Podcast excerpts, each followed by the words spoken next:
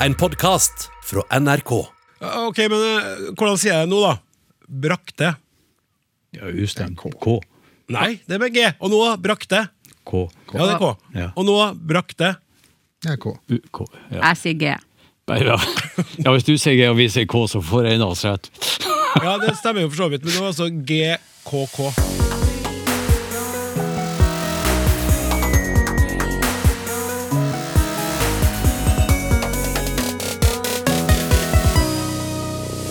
Alle vet at optimister sier at glasset er halvfullt, mens de mer pessimistiske av oss ser det som halvtomt.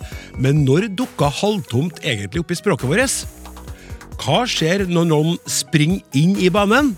Og vi har tenkt til å ta opp et fenomen som veldig mange er opptatt av. Det er klart for Lytterspørsmål spesial!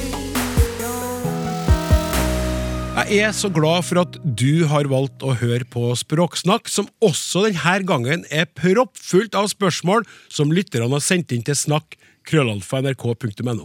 Noe skaper undring, noe irritasjon og eller frustrasjon. Men uansett hvorfor dere har valgt å spørre oss, er alle i samme situasjon. Hver og en ønsker svar, og her med meg i studio sitter et ekspertpanel som skal gjøre sitt beste for å gi dere nettopp det. Språkforsker Anne Dahl, språkforsker Stian Hårstad og språkforsker Olaf Husby, hjertelig velkommen! Takk, takk. Takk, takk. Spørsmålene står i kø, de formelig stanger inn i hverandre, så jeg syns vi bare setter i gang med det samme. Hei! Jeg har en datter på 14 år som noen ganger snakker litt rart. Eller hva er det hun gjør? Her er to typiske muntlige setninger som jeg har skrevet ned.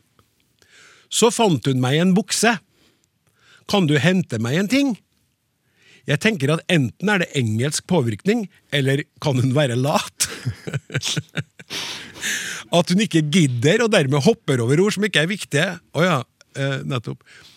Hadde vært gøy å høre hva hun gjør grammatisk, og om det er andre som har hørt om dette.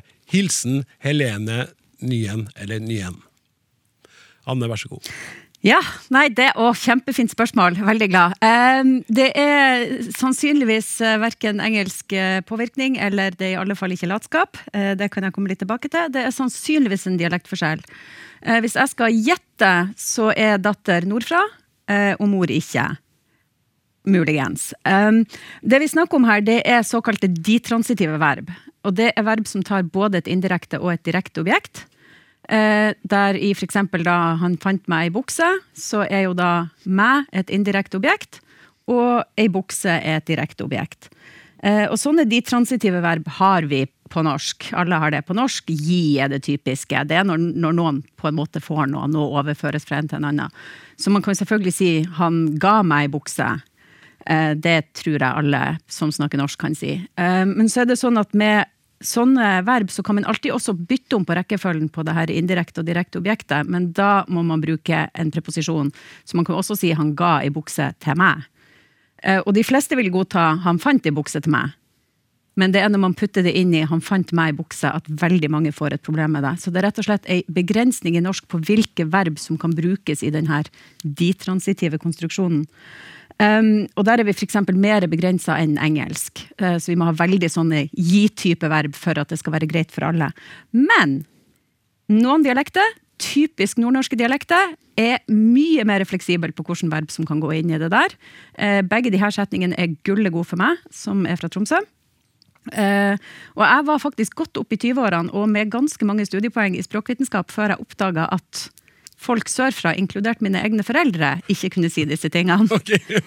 så kom, jeg kom sjokkert hjem og gjorde grammatikalitetsvurderinger med dem, som er det vi språkforskere gjør, og, og hadde ikke fått det med meg. Um, og har diskutert det med folk jeg vokste opp med, som, som er helt enig med meg at det er helt, um, helt greit og helt innafor. Og det er grunnen til at jeg sier at jeg kan ikke tenke meg at det har noe med engelsk å gjøre. Både fordi at da skulle ikke den geografiske variasjonen ha noe å si, og dessuten, vi er for gamle til at det var så mye engelsk da vi vokste opp. Og så er det undersøkt eh, systematisk. Det finnes en masteroppgave som er nå 20 år gammel. eh, og det har også vært gjort i et sånt større dialektstudieundersøkelse. og det viser seg det at det er en veldig tydelig sammenheng at nordnorske dialekter godtar mange flere verb i de her såkalt ditransitive konstruksjonene. Og nettopp hente og finne, som hun da bring, eh, bruker som eksempel, det er eh, to av de verbene som den masteroppgaven undersøkte, og fant kjempestor forskjell på folk i store deler av Norge sørafor, og folk i Nord-Norge, og at i nord så godtas det mye mer. Så hvis jeg skulle gjette, så er kanskje datter her nordnorsk og mor sørnorsk. Men det kan jo selvfølgelig hende at det her har spredd seg andre steder også, det vet jeg ikke. Men, men det er i hvert fall for meg helt greit, for mange helt greit, men veldig rart for store deler av nordmenn. Men det er ikke noe god logisk grunn til det, for det er lett å forklare det grammatisk. Det er bare akkurat samme struktur som ga meg ei bukse og fortalte meg ei historie. Og... Ja. Eh, så bra. Eh, spennende. Skal nesten ha likt å ha hørt om eh, vedkommende tenåring eh, faktisk eh, da er fra nord i landet. Og når det gjelder latskapen her, så vil jo den uansett ikke være grammatisk, men kanskje mer i spørsmålet kan du hente meg en ting? Ja. altså, Ja, du gidder det- ikke gjøre det selv sjøl, hvis det skulle være noe latskap i det hele tatt å spore, da. Det kan man si. Det kan du hente deg sjøl, ja. Men ja. nei, noe latskap i, eh, i utsagnet er det overhodet ikke. Takk, da er vi i gang, og vi går over til et spørsmål som eh, i første omgang rettes til deg, Stian. Hei! Jeg har de siste årene ergret meg grønn over at i så å si samtlige bøker jeg har lest, er når byttet ut med da, når hendelser fra fortiden skrives i presens form. Et eksempel. Da han kommer inn døren, ser hun en annen vei. Det heter da virkelig da han kom inn døren, så hun en annen vei. Eller når han kommer inn døren, ser hun en annen vei. Eller heter det ikke det lenger? Gjelder ikke regelen den gang da og hver gang når lenger? Hvorfor eller hvordan har bøker av kjente forfattere som for eksempel Kjetil Bjørnstad og samtlige oversettelser fra andre språk til norsk havnet i dette uføret? Det kan jo ikke være uvitenhet. Er det en automatisert trend? Er det roboter som leser korrektur og konsekvent bytter ut når med da, når noe som kanskje har hendt i fortid, fortelles i presens? Hvis denne setningen ble skrevet på engelsk, ville det ikke stått Then he walks into the room. She turns away. Med hilsen Elisabeth Eie Oslo. Og da, altså Det er samtlige oversettelser fra andre språk til norsk. Ja, nei, Først må jeg jo si at jeg har eh, jeg er litt enig sånn i første omgang med at språkfølelsen min nå tilsier at jeg helst ikke ville hatt da her. Men vi skal se hva som er bakgrunnen her. da. Den regelen som hun snakker om, da og når-regelen, den gang da, hver gang når, den eh, lever nok et godt liv, tror jeg, fortsatt i norskklasserom. Problemet er at den ikke er så mye å stole på. Det skal ikke så mye til før det ikke er i det. Beklager. Og ikke minst, altså det som er grunnen til at en del har problemer med den, er at de ikke har støtte i sitt eget talemål. Det er voldsomt mange eksempel fra talemål i Norge som ikke har en så ryddig fordeling da, mellom da og når. Så at jeg kan f.eks. si 'når jeg var liten', det, selv om det er da en absolutt tilbakelagt et plass i punkt i, historien, så har jeg mye mer bruk av når, og det tror jeg gjelder for mange eh, norske talemål. Så der ligger nok et problem, at en eh, skal prøve å lære seg denne regelen, og så stemmer ikke helt med talespråket, og så blir det krøll. Så er det en annen sak, og det handler litt om tid og tempus. For her var det jo snakk om noe som lå tilbake i tid, men det blir da brukt ei verbform, tempus, som tilsier at det foregår nå. Kommer inn, altså det er jo en presensform som tyder på at det skjer nå, men det er altså en, en slags sånn eh, forrykking her. Det er historisk presens som snakker om. at det, Da Mozart eh, kommer inn i rommet, har han ti nye eh, symfonier under armen, f.eks.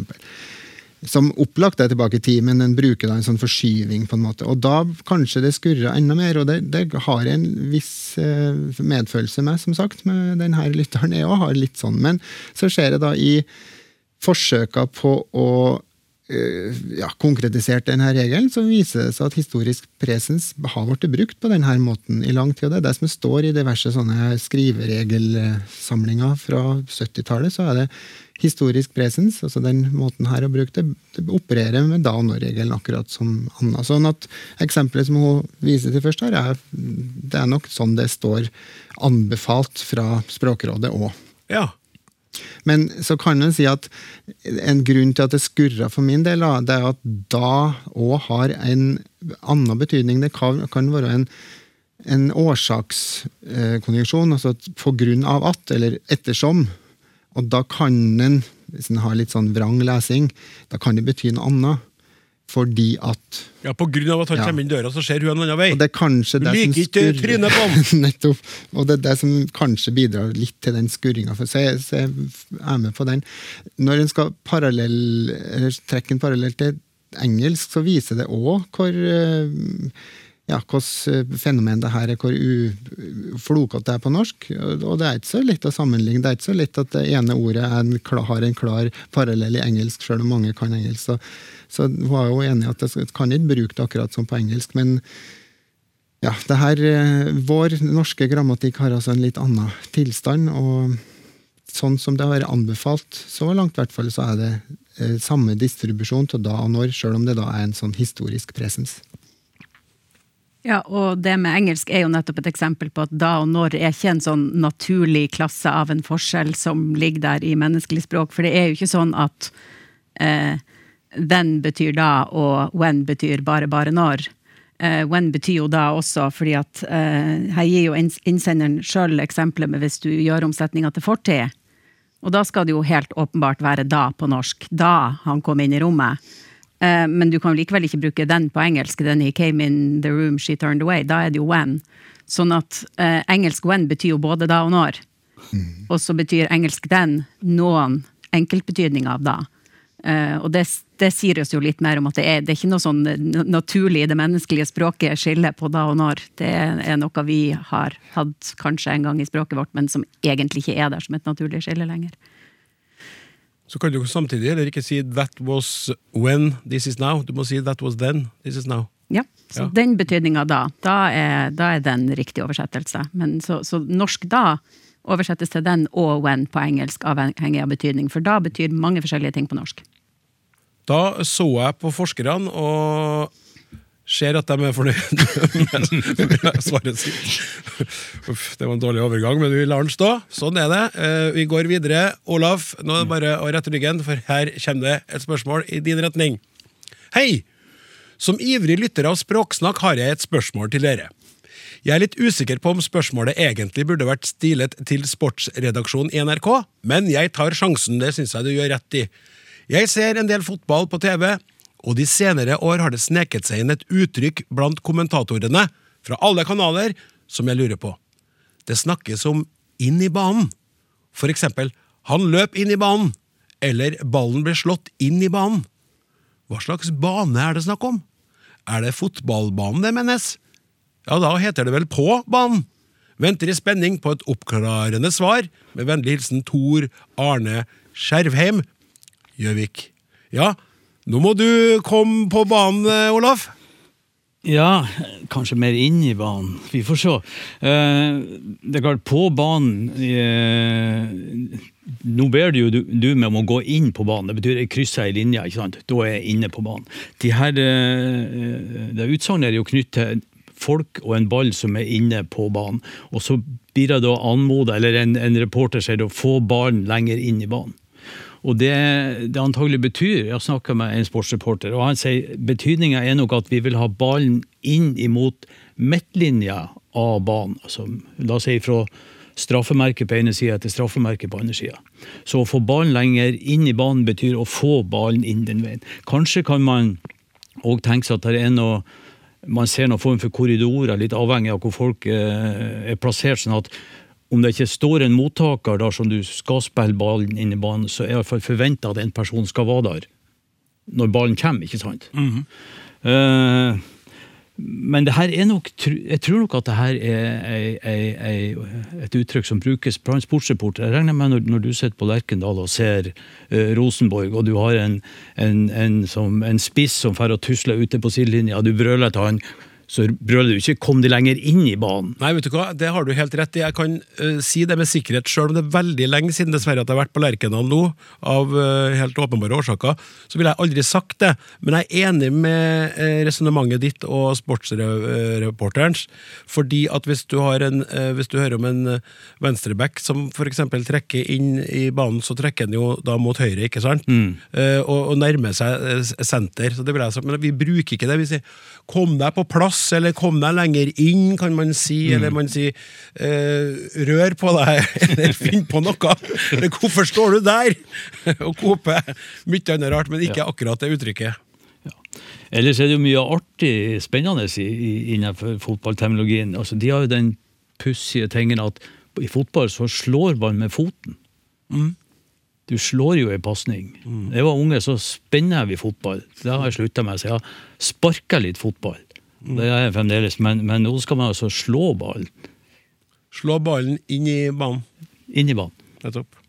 Tusen takk.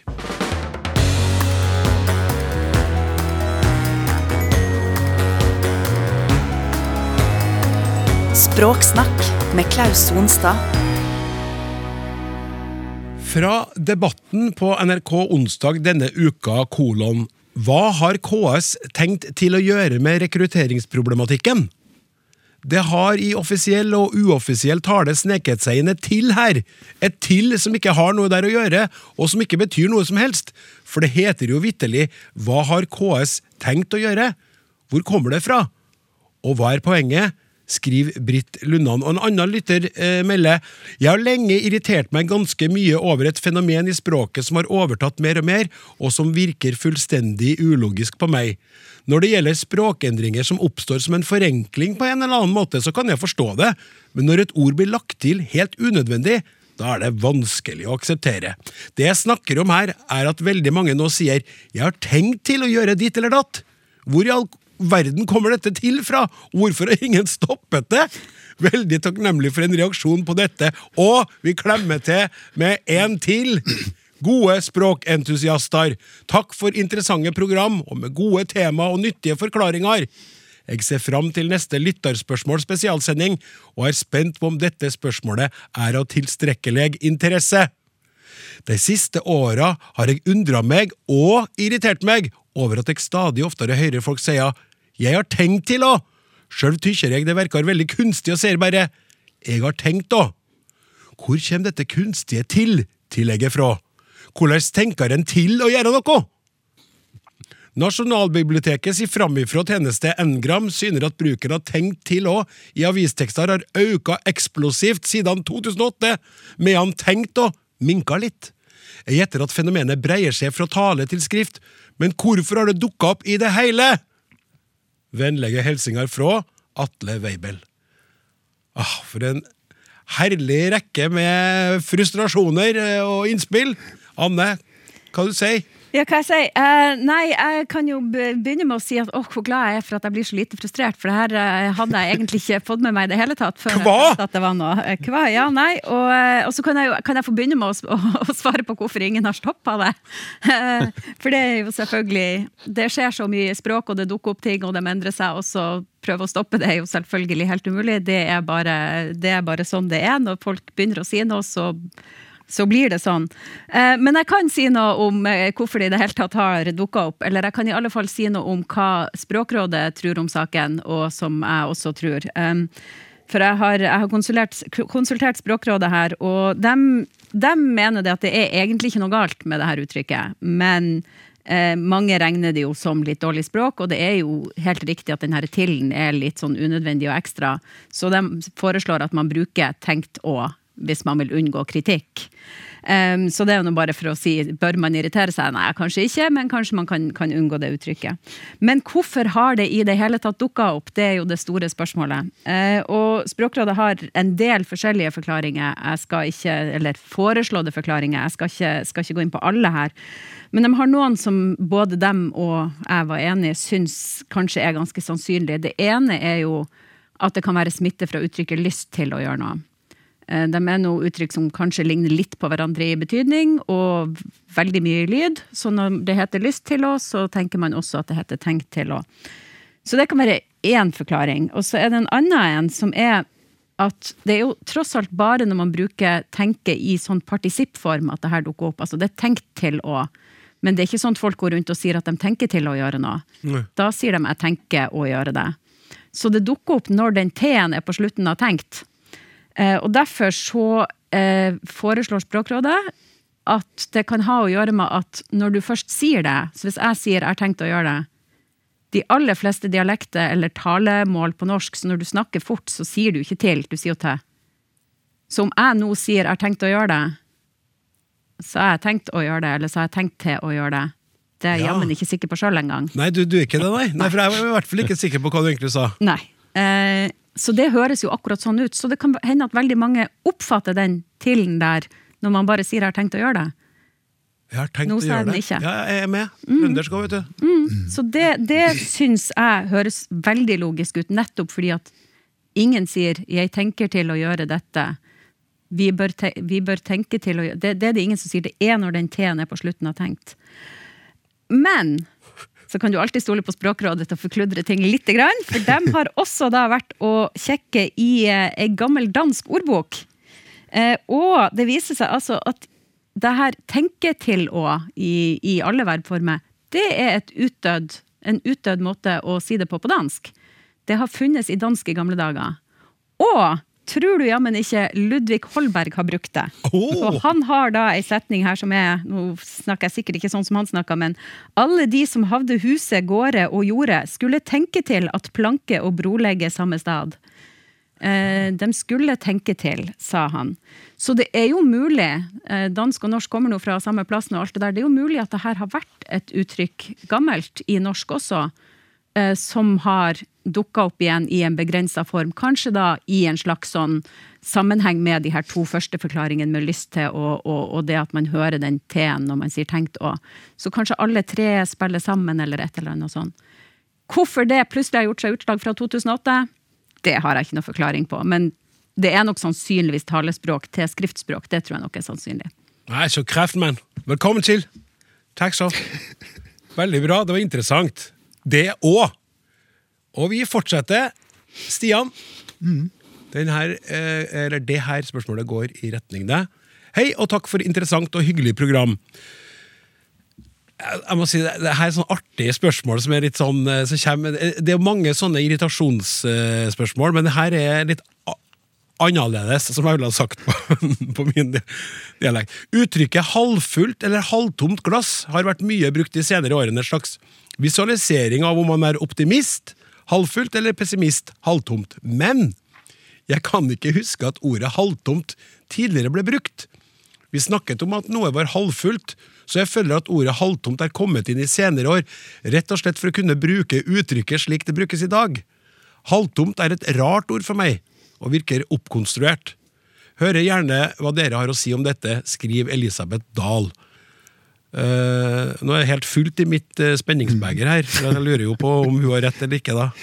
Ja, nei, Jeg ble litt overraska, for for min del så høres det ikke så konstruert ut. Så jeg måtte jo sjekke litt. Nå er det ikke så lett for oss bestandig å få overblikk over bruk, da, men i skrift så går det i hvert fall an å søke opp litt. og Elisabeth har litt rett og litt feil. Det er ikke spesielt nytt. Halvtom og halvtomt finner tilbake i 1840-tallet. Ja. Så det har vært brukt, Men det er ingen tvil om at halvfull og halvfullt har vært brukt mye mer. Sånn at styrkeforholdet mellom dem er kjempeskjevt. Men det har vært skjevt i lang tid. Sånn at du kan finne mange halvtom og halvtomt i både aviser og romaner. Det er Du kan, fi, altså, du kan finne mange halvfulle glass, men ikke så mange halvtomme. ikke så mange halvtomme, for dem er mer halvtømt, faktisk, fra gammelt av. Så da, på 1800- og tidlig 1900-tall, så er det en halvtømt flaske mer enn en halvtom, og et halvtømt glass mer enn et halvtomt. Men Alexander Kielland skriver f.eks. om en støvet halvtom butikk i 1884 i Fortuna, så det har, det har funtes uh, i lang tid. Og er- jeg vil jo ikke si at det er noe spesielt rart med konstruksjon, for det er nå en sammensetning som, som er ganske logisk i norsk uh, ordlagingslogikk. Uh, Så det er bare at eh, halvfullt og halvfull har vært så mye mer brukt, og dermed så kanskje det stikker ut litt da, når halvtomt kanskje har kommet fram i det siste. Ja, Men jeg syns ikke det er så verst å ha både litt rett og litt feil. Det ble sånn 1-1. Kunne vært verre. Tusen takk. Vi fortsetter, ikke sant, Olav? Ja. Hei i Språksnakk. Takk for fine program så langt. Dere er verdige arvtakere etter Språkteigen, synes jeg. Det var hyggelig sagt, for det var nå litt av et program med 27 år på lufta. Jeg hører stadig uttrykket 'å ta ansvar'. Når Heidi Løke drar til med et løp mot motstanderens mål og scorer, tar hun da ansvar som kommentatorene ofte sier. Jeg mener heller at hun skjøtter sitt ansvar. Slik jeg ser det, så har hun ansvaret for å gjøre en så god kamp som mulig i det øyeblikket dommerens fløyte setter kampen i gang. Har nevnt dette for noen av mine mindre språkinteresserte venner, men de synes bare jeg er en travel flisespikker. Jeg lever greit med det, men håper på noen refleksjoner rundt dette av Språksnakk. Hilsen Arve. En travel flisespikker der, altså. Ja, men jeg tror det er interessant at, at, at det her er registrert, for at eh, Jeg tror egentlig det er snakk om to forskjellige ting. Altså, på banen så har hun Heidi Løke eh, et, eh, et ansvar, eller hun skjøtter et ansvar i forhold til den rollen hun har. Så kan det skje at en av motspillerne kanskje ikke er på den plassen de skal være, og så går hun og tar den rollen da tar hun ansvar for noen andre å gjennomføre, og skårer jo som regel. Eh, eller at hele laget på en måte eh, visner, dovner hen, og så er det én spiller som går i bresjen. Da tar hun Heidi Løke ansvar, og så løfter hun laget. Ja, Så du tar ansvar over det ansvaret du skjøtter som en del av laget, som i utgangspunktet har et felles ansvar for kampen å stå på? Ja, Ja. tror jeg. ja. Altså, Du er rene sportskommentatoren i dag, du. Det? Ja, det ble sånn. Har du noe, for øvrig noe forhold til håndball? Nei, ikke annet enn jeg liker å se på det. Nei, ja, men det er jo nok, det. Ja. Ja. Så du, du er der. Der er vi. Ja. Ja. Du tok ansvar, og du svarte. Vi takker. Hør flere episoder av Språksnakk i appen NRK Radio. Ja, Vi har fått inn en e-post som starter ganske rett på, Anne. Ja. For den starter sånn. Hva er feil her? Kolon. Kina er gode på. Administrasjonen er flinke til. Stortinget er enige i. Politiet er sikre på. Hvorfor er dette offentlige kontoret så tause og tilbakeholdne med? Og så oversetter vi f.eks. til engelsk. China are good. The administration are clever. Stortinget agree on. The police are sure. Det er tydelig at dette blir mer og mer vanlig både blant journalister i radio og aviser og blant vanlige folk. Det ser ut som om man tenker at i Kina, politiet, administrasjonen etc. er det mye folk, altså bruker man flertallsformen på adjektivet. Dette blir et problem når man skal oversette til andre språk, står det i denne veldig tydelige, men usignerte eh, e-posten fra en lytter. Ja, eh, nei, det som hun det, det er jo ganske riktig eh, det som hun sier. Jeg kan begynne med å si hva er feil her. Nei, egentlig ingenting. Eh, for det er, jo, eh, det er jo riktig som innsenderen sier her, at, eh, at det ser ut som man, man regner med at her er det masse folk.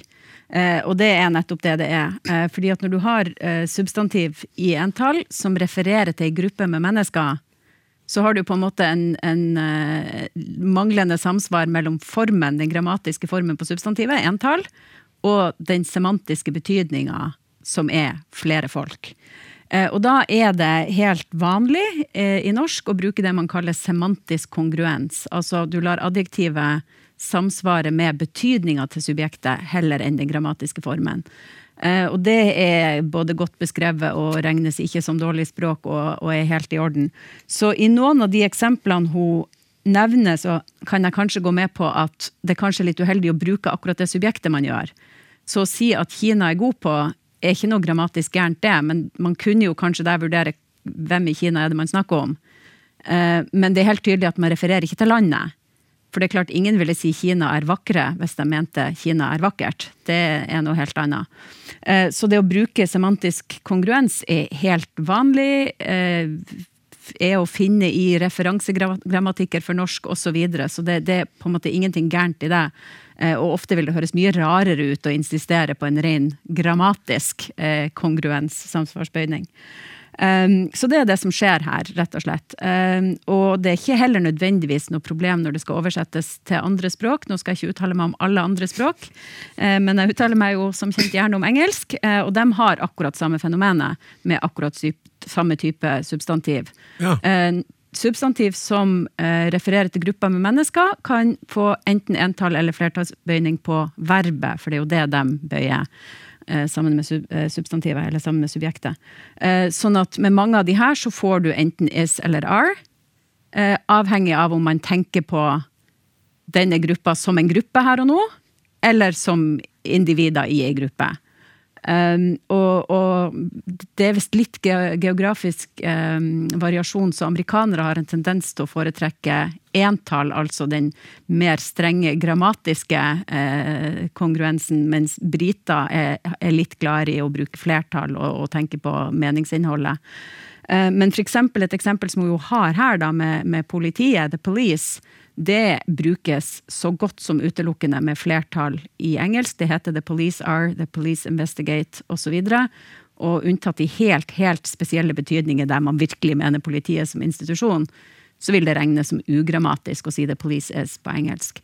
Eh, så det er nok ikke noe én-til-én-forhold i hva som oversettes hvordan, men, men fenomenet fins i alle fall på både norsk og engelsk, og sikkert på andre språk, uten at jeg vet det. Ja, That is the conclusion from the Norwegian jury. Yes. Du lytter til Språksnakk. Vi har lytterspørsmål spesial, og Anne Dahl har nettopp eh, svart på et spørsmål. Eh, Stian Hårstad og Olof Husby er språkforskere her med sitter klar og følger med og venter på tur. Nå er det Stian som retter det her til. Eh, dere andre kan supplere hvis ønskelig. Og nå må jeg, nei, jeg tror jeg bare leser det som, som det skal være eh, oppi hodet mitt, så blir det rett etter hvert. Hei! Jeg har i alle år bøyd, eh, jeg har i alle år bøyd verbet å bringe slik. Å bringe, bringer, brakte, har brakt. Og her skriver innsenderne altså med G hele veien, da. Selv om jeg ikke sa det akkurat sånn. Slik mener jeg også at vi den gang for 60 år siden lærte å bøye dette verbet. Stor var derfor min forundring da retteprogrammene dukket opp i datamaskinene, og jeg fikk røde streker under når jeg skrev bragde, altså med T, brakte, bragde, brakte Og skriveprogrammets forslag til rett skrivemåte var brakte med K. Enda større ble forundringen da jeg etter hvert slo opp i en nyere ordliste og oppdaget at den eneste bøyningsformen som ifølge denne var tillatt, var å bringe, bringer, brakte, har brakt. Det er ikke fritt for at jeg etter hvert også ergrer meg litt over dette. I mitt hode er det en vesentlig forskjell på å bringe og å brake. Å bøye verbet å bringe, slik ordlista sier man skal, lyder svært umusikalsk i mine ører. Kan Språksnakk forklare meg hvordan dette henger sammen, og om det virkelig er slik at hvis man bruker formen brakte som fortidsform, altså med g, da, så er ikke dette lenger akseptabelt? Jeg vil være svært takknemlig om dere finner tid til å svare skriftlig på denne e-posten, da det ikke alltid er mulig for meg å få med meg radioprogrammet når dette går på lufta. Vennlig hilsen Trond Pettersen. Det var ikke måte på akkurat det, da. vi får nå se på den biten, men skal vi hjelpe deg med et uh, godt svar? Prøv et muntlig svar, da, i hvert fall. Og det, først er det jo litt vanskelig å for så vidt ta det muntlig, for det her er noe som handler om skrift. For som du har visst oss nå, så er det vanskelig å få fram den forskjellen. For det er jo en skriveforskjell som i talen til de aller fleste høres likt ut. Brakte og brakte. Eh, om du skriver det med G eller K, det høres likt ut. Men det er i hvert fall en eh, stavedetalj som har vært der faktisk siden 1938. Så bokmål har kun hatt stavemåten med K helt siden 1938. Stavemåten med G fins i riksmål, som er den uoffisielle skriftnorma som vi var innom i forrige program. Mm. Der finnes det fortsatt, men sammen med brakte med K. Eh, så vidt jeg kan finne ut, så det på 70-tallet så, så, tok riksmål inn den med K. Og det sier jo litt om at den har tatt over så mye at de anså det som naturlig å ta med den inn. Sånn at uh, årsaken til at retteprogrammet uh, ordner trøbbel her, det er rett og slett at den har ikke vært med inn i bokmålsnorma på mange, mange år. Eh, om den har levd videre, det, det, kan nok hende at den har vært i omløp ja, i lang tid utover etterkrigstida, men det ble i hvert fall bestemt at skrivemåten skal være med K i 1938. Og Bakgrunnen til det må nok se på som et sånn en tredje trinn eller fjerde trinn i en sånn avdanskingsprosess. Og Det gjelder ikke bare det ordet her, men det er mange ord med G og D og P, B som da trinnvis har blitt gjort om til en mer norsk form med K, T og P. Mm -hmm. Det skjedde i flere omganger, så det her er liksom siste si, dødsstøtet. For de lydene, sånn som sag, eh, har blitt sak. Så ble magt til makt. Eh, magt med G er ikke så lett å uttale. Så det, det handler om grafiske forskjeller, stort, stort sett. Da, for i uttalen blir det jo vanskelig å få få den lyden til å være stemt. Eh, og så i 38 så tok de da en slags eh, siste etterrakst med å ta bort det her. Og det, det kan en si at det er litt tvilsomt på akkurat det punktet her, at det var så opplagt at det skulle bli en K. For hvis en skulle ta liksom full pakke og, og, og la uttalen styre, så kunne en jo tenke seg at lagt altså partisippen av å legge kunne også være skrevet med K. Men da var det et annet prinsipp som overstyrt, det etymologiske. Da skulle du tenke på at du skulle ha forbindelse med, med ordet her da, i et annet tid. Legge, der er det jo G, så da skal den G-en få bli med i stavemåten i partisippen. Eh, ikke så opplagt i sagt, eksempel, som i hvert fall på bokmål er å si. Der er jo G-en forsvunnet, selv om den har funtes der i, i norrønt. Så det er, det er et sånn ultrakonsekvent, kan en si. Så det kan jo diskuteres om det var helt innlysende at det skulle gå over til en K. Men eh, sånn ble det i hvert fall, og det er ganske lenge siden at brakte bragte med G ble til brakte med K. Ja. Eh, Jeg må nesten skyte inn. Jeg Ville du si noe om det, Olaf? Vær så god. Ja, så det er jo eh, Jeg kan jo spørre, hvorfor, hvorfor blir det G-en til K? Ja, Det kommer jo at du får en endelse, eh, TE, da. T-en er uten stemme.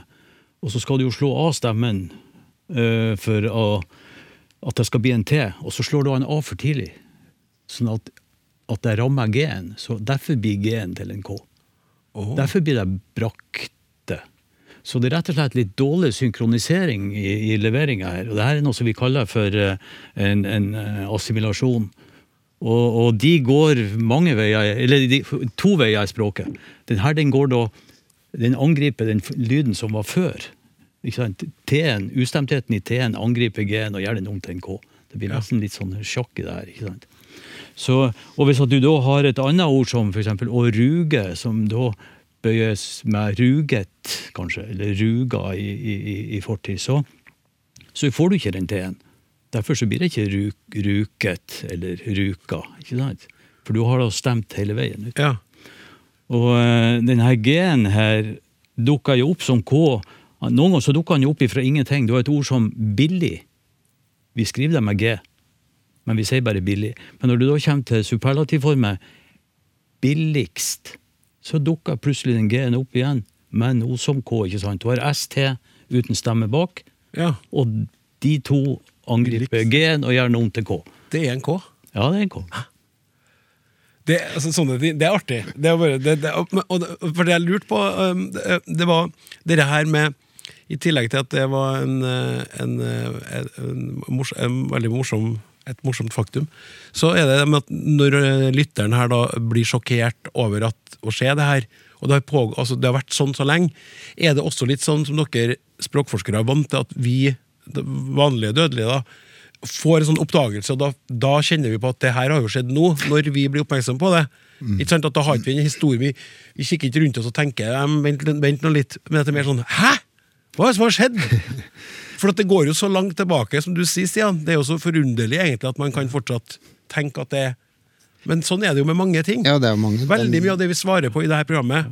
Det er mye som du må bli oppmerksom på før du legger merke til det. Og, og nå tror jeg jo ikke at, Selv om det vedtaket kom i 1938, så skrudde ikke de av lysa for G-en over natta. så Det her gikk nok i mange tiår at det var i bruk. Eh, Så det er ikke så rart at du, da, det blir feida ut, på et vis, for det var jo både aviser og andre som fortsatte den stavemåten. Så det var ikke så brått. Men eh, det er vel kanskje først når du blir gjort så oppmerksom på det, at du faktisk legger merke til det. For det, det er naturalisert, som man sier. Da, at du Ja. Fått det inn under huden. Ja, der er jo eh, altså det prinsippet som, som, eh, som på en måte ligger under her, at brakte vi med K, det vi kaller ortofoni. Sånn orto ifra ortografi, rettskrivning, og foni da ifra altså med lyd. Sånn at lyden avspeiles i skriftbildet. Men eh, her er det jo, som, som Stian sier, vi, vi tar vare på, på måte, ordets opprinnelige form, og så beholder vi den den i, i norsk. Det er det vi helst vil gjøre. Derfor skriver vi jo ikke 'trygg' og 'trygt', et trygt hjem, med KT.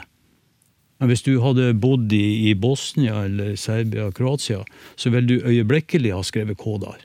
At Da er prinsippet det Skriv Skriv det du sier, les det som står skrevet. ikke sant? Og hvis du reiser til Latvia og ser hvordan eh, ja, hva de gjør med navnet på norske forfattere, så de, de tar en latvisk uttale av navnet, så skriver de rett ut. Så Jo Nesbø, han, hvis du skulle lese navnet hans på latvisk, så står det da Ju Nesbø. De har ikke Ø, så Ø-en blir til E, og O-en skriver de som en U, så Ju Nesbø. Eh, og Det rammer Shakespeare, det rammer Marcus, og det, alle sammen får navn på latvisk. Ja. Ja. Ortofoni, det er et ortofonisk prinsipp. Ja, er veldig interessant. Jeg må ta litt ord for det, for nå er det ingen som reiser til Latvia uansett. Eh, I hvert fall ikke fra Norge, da, særlig hvis de ikke absolutt skal dit, eller trenger å dra dit. Nei, men Gå på en bokhandel når du en gang får lov. Ja, har vært der en gang i tida, men skal sjekke det ut når vi får lov til å reise igjen. Angloimport var et fint tema i en tidligere sending. Jeg synes det skurrer når det i trafikknyhetene blir sagt buss for tog. Et par andre jeg ikke har vent meg til, er gå for og den så jeg ikke komme. Vel, jeg får bare fortsette i min noe trege tilvenningsfase. Å slåss mot det faktum at språket er i endring mer eller mindre hele tiden, er nytteløst. Hilsen Arve. Det er Litt sånn det vi nettopp snakka om. Eh, kampen mot vindmøller, på et vis. da.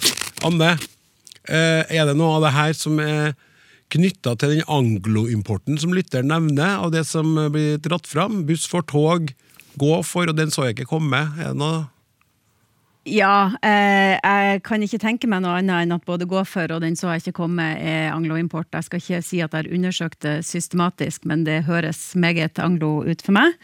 Um, så, så det har, uh, har han nok helt sikkert rett i, og, og han har jo også rett i at å slåss mot det er, er ingen vits.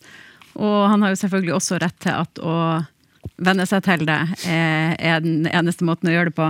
Eh, og så går det jo faktisk an å velge å bestemme seg for at det er gøy. Um, for det gjør jeg. Jeg syns, jeg syns nettopp sånn Så én ting er de her lånordene fra engelsk, å bruke rene engelske ord, som er jo det vi har sett lenge og snakka om lenge. Og det kan være litt kjedelig av og til, at du bare henter et ord fra engelsk, og så sier du, sier du det, det istedenfor et norsk ord. Men det der med å direkte oversette hele uttrykk fra engelsk, det syns jeg bare er gøy. Eh, nordmenn har en dobbel språkkompetanse, og så hente dem fra det ene språket og bruke det på det andre, det syns jeg er, helt tipp topp. Og jeg gjør gjerne det motsatt vei, eh, og oversetter ting direkte fra norsk til engelsk. Det har kanskje ikke fullt så stor påvirkning på det engelske språket, det må jeg jo innrømme. Men i det språkmiljøet der jeg befinner meg med mye, norsk og engelsk, så gjør vi det begge veier, og det, det fungerer veldig godt. Og, og, så man kan jo velge å, å se på det som at vi får nye uttrykk som er litt, litt, uh, litt morsomme på norsk, ved å rett og slett oversette fra engelsk. Um, så det er nå det ene. Eh, Men så er det jo sånn da at språk, språkendringer og nye uttrykk og ting man ikke har hørt før, eh, det kan man irritere seg over, og så kan man veldig da ofte tilskrive dem noe man ikke liker.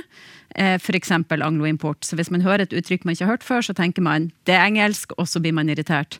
Eh, Og det tror jeg nok har skjedd her i tilfellet buss for tog. For jeg kan ikke skjønne at det er noen holdepunkter for å tro at buss for tog kommer fra engelsk. Ikke sier de 'bus for train' på engelsk. De eneste som bruker det uttrykket, er Vy og andre eh, norske jernbaneselskaper. Så hvis du googler det, så finner du masse treff på 'bus for train', og de er alle sammen fra Norge.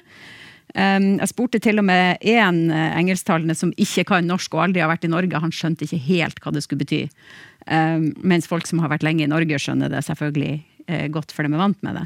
Så det, det er det ingen grunn til å tro at kommer fra engelsk i det hele tatt. Så i den grad det er et nytt og irriterende uttrykk, så kan vel det være for at i gamle dager så gikk det faktisk tog for tog. Det er det ene, og det andre er at man kanskje blir lei av å si, siden det var så ofte det skjedde, buss istedenfor Det er tog. akkurat det. det, er akkurat bare kutta ned for å, for å effektivisere litt. Jeg kan ikke skjønne at det er noe, noe ulogisk ved norsk i å bruke buss for tog som en, en ren norsk konstruksjon, så, så det tror jeg nok er helt norsk. Men eh, konseptet buss for, for tog er utrolig irriterende. Det irriterer jeg meg også over. Ja. Men akkurat hva de kaller det, det får de bare finne ut av. Takk. Hei! Jeg har lagt merke til at Harald Eia i programmet Sånn er du på P2 konsekvent uttaler planmessighet som planmessighet, med trykk på mess. Likeens er det med medmenneskelighet, som blir til medmenneskelighet. Nei, medmenneskelighet. Dette er norske ord som vanligvis har trykk på første staving, men Eia bruker konsekvent trykk på andre staving. Sånn er du er et populært program, og når det samme blir gjentatt og gjentatt, til og med på podkast, så blir det kanskje en trend. Jeg mener jeg har hørt det samme rare uttrykket i andre NRK-program også, uten at jeg kan dokumentere det her og nå. Er det Eia som lager en ny trend, eller er han bare i takt med tida og språkutviklinga? Medmenneskelig hilsing Marte. Takk for et godt program. Det er fint at du planmessig har med så mange artige og flinke fagfolk. Dette er nok noe for uttaleguru Olaf Husby, som var på pensumlista da jeg studerte norsk som andrespråk. Skriva Marte. Det var koselig, da. Men eh, vi skal nå eh, I hvert fall i starten her, selv om du fikk litt kudos nå, Olaf. Eh, nei, vi skal gi det til deg, da. Du må nesten få lov til å svare på det, da. Ja. Og si takk for, for hyggelig hilsen. Ja. Og Og vi har, vi har, må bare skyte inn at vi, vi, har, vi har ikke spurt Harald Eia heller. Vi, har, vi lar deg svare. Han, han har ikke blitt spurt om å delta i programmet og takka nei. Vi har bare latt være å spørre han. Vi, vi klarer oss med en Olaf, og kanskje dere andre. Ja, jeg skulle bare si takk for, for hyggelig hilsing. Og så eh, Det her er en, en veldig god observasjon, syns jeg. Og det er litt eh, komplisert å forklare men jeg, jeg skal prøve. Eh, altså, Språk endrer seg jo av, av mange årsaker, sant? Du- og er relatert til kjønn, til klasse, til alder osv. Her er, endrer språket seg av trekk, sannsynligvis av trekk som er inne i språket sjøl.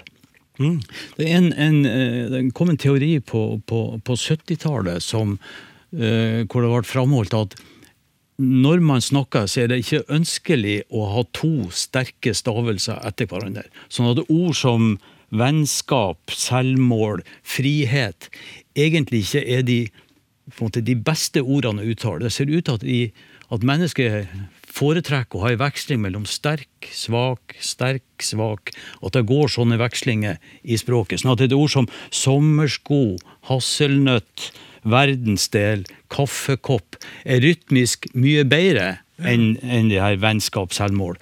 Og planmessig har to sånne eh, sterke trykk som kommer mot hverandre. Og da får du det som på engelsk heter eh, stress clash, og på norsk er det oversett med, med trykkollisjon. Og hva gjør du når du får trykkollisjon? Ja, enten tar du bort et trykk, sånn at du får planmessig, eller så flytter du trykket. Så at eh, jeg sier for eksempel ordet sivil, så har jeg trykk på siste stavelse. Hvis jeg sier ordet forsvaret, så har jeg trykk på første stavelse. Så kan jeg sette de to i hop. Sivil og Forsvaret. Hva sier jeg da? Jo, Sivilforsvaret. Plutselig hopper trykket i Forsvaret til Forsvaret. Da får jeg nemlig svak, sterk, svak, sterk, svak, sterk. Nå kan vi jo teste og Anne her. Hvis du skal si eh, 19 på engelsk, hva sier du da? Da sier jeg 19. Og hvis du skal si 19 jenter, hva sier du da? Da sier jeg 19 girls. Ja, Så hun sier først 19. 19 med trykk på teen. Og når hun får jenter bak, så får du teen og girls, og så flytter hun trykket til 19 girls. 19 girls, ja. 19 girls. Så får du sterk, svak, sterk. Og det her er antatt å være et underliggende eh, prinsipp for alle språk. Men selvsagt så har vi ord med sånne doble eh, trykk som, som eh, planmessig. Og det er planmessighet som, som var observert her. Det, det blir jo enda bedre når du får den, den der eh, het på slutten, for den har jo en, en, et trykk da også. Planmessighet, ikke sant?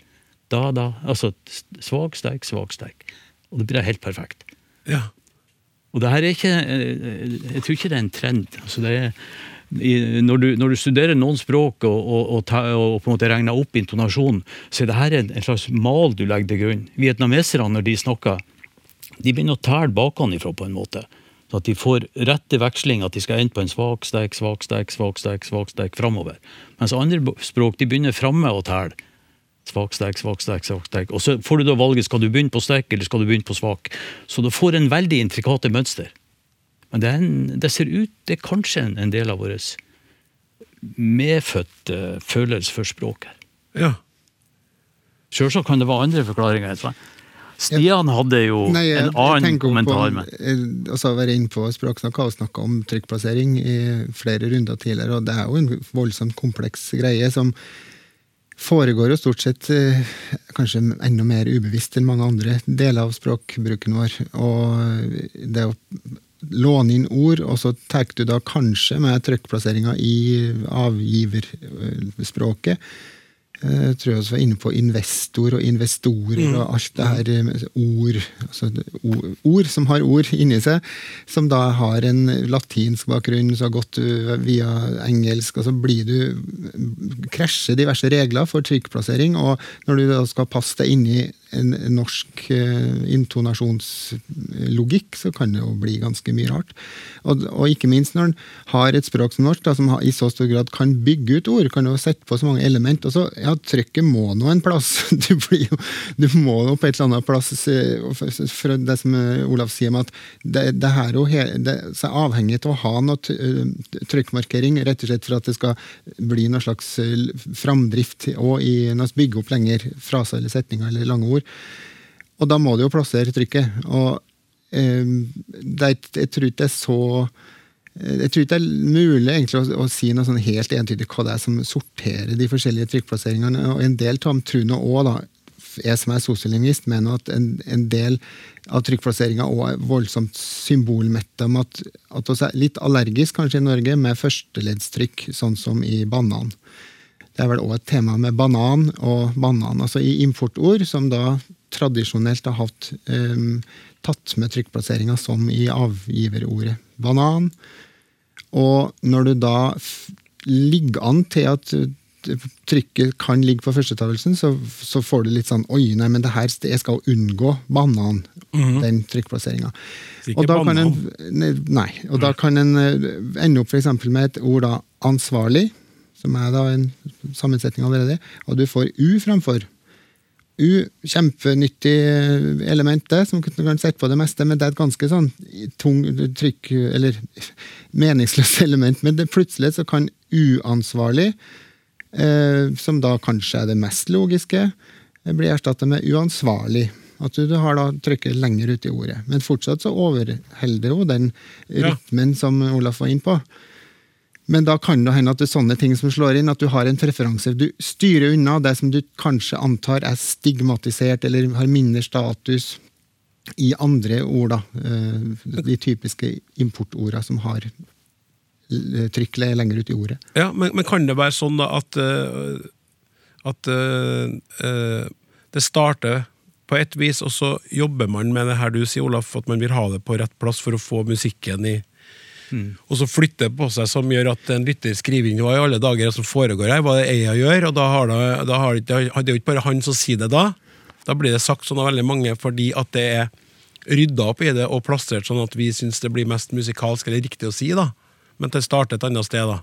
Det kan en nå skal heller ikke overbevise Harald Eias påvirkningskraft, kanskje, men det er jo det er ikke noen tvil om at bruk i media har noe å si for hvordan uh, ny variant eller en, en form uh, sprer seg.